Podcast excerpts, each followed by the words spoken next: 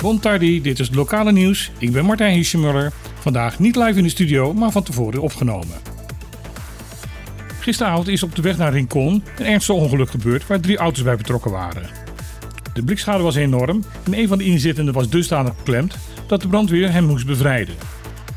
Er zijn drie mensen na het ongeluk naar het ziekenhuis gebracht. Hoe het met ze gaat is niet bekendgemaakt. 196 mensen hebben vorig jaar een boete gekregen omdat ze in Bonaire sinds de station Saba langer zijn geweest dan toegestaan was. Dat is te lezen in een verslag van de Koninklijke Marché over vorig jaar. Daarnaast zijn 68 reizigers de toegang tot Caribisch Nederland ontzegd. 121 mensen mochten wel binnenkomen, maar dan onder voorwaarden. De Koninklijke Marché is op Caribisch Nederland verantwoordelijk voor de grensbewaking en controleert bij aankomst of personen wel aan de voorwaarden voldoen. De Koninklijke controleert mensen die aankomen die niet ingezeten zijn van Caribisch Nederland, of ze intentie hebben om te langer te blijven, eventueel criminele activiteiten willen ontplooien of onvoldoende financiële middelen hebben om in hun eigen onderhoud te kunnen voorzien. In het laatste geval kan iemand onder voorwaarden toegelaten worden als er een ingezeten van Bonaire zich garant stelt voor deze persoon. De meeste van de 68 personen die geweigerd zijn, hadden deze garantstelling niet.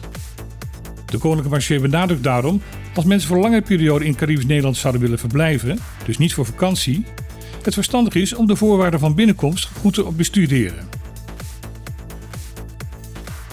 Na de ophef die ontstaan is binnen Caribisch Nederland over de nieuwe tarieven van de Kamer van Koophandel, heeft nu de gezamenlijke Kamer van Koophandel van Sint-Eustatius en Saba zich formeel uitgesproken tegen deze nieuwe tarieven.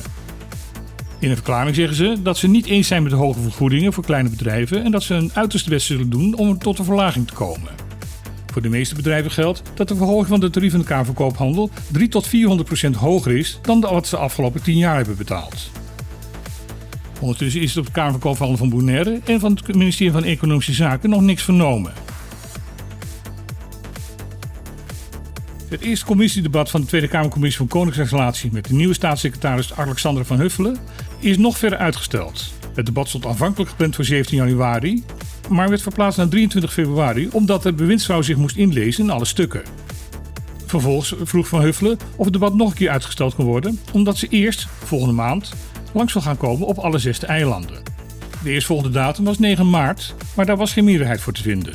Uiteindelijk is men uitgekomen dus op 23 maart. Dat houdt in dat tot die datum er geen belangrijke beleidswijzigingen te wachten zijn. Ondertussen lijkt het erop dat de Omicron-uitbraak op Saba weer op zijn retour is. 84 besmettingen op een populatie van 1800 inwoners was voor Saba even schrikken, een eiland dat heel lang COVID-vrij was geweest. In mei maakte Saba bekend dat het de eerste Nederlandse gemeente zou zijn waar alle maatregelen zoals anderhalve meter afstand en mondkapjes weer afgeschaft. Dat zijn maatregelen die nu weer opnieuw zijn ingevoerd. Gezaghebber Johan Johnson zegt dat vorig jaar de maatregelen niet te vroeg zijn afgeschaft, maar dat het handiger was geweest als ze eerder de beschikking hadden gehad over de boosters. Duizend inwoners van Saba hebben ondertussen een boosterprik ontvangen. Dan tot slot het weerbericht. Het zal vandaag half tot zwaar bewolkt zijn, met kans op een plaatselijke bui.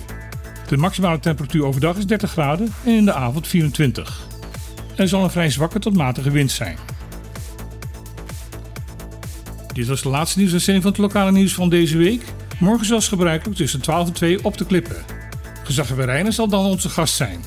We bespreken met hem de actuele stand van zaken op Bonaire. Voor de rest wens ik u een heel fijn weekend en graag tot maandag.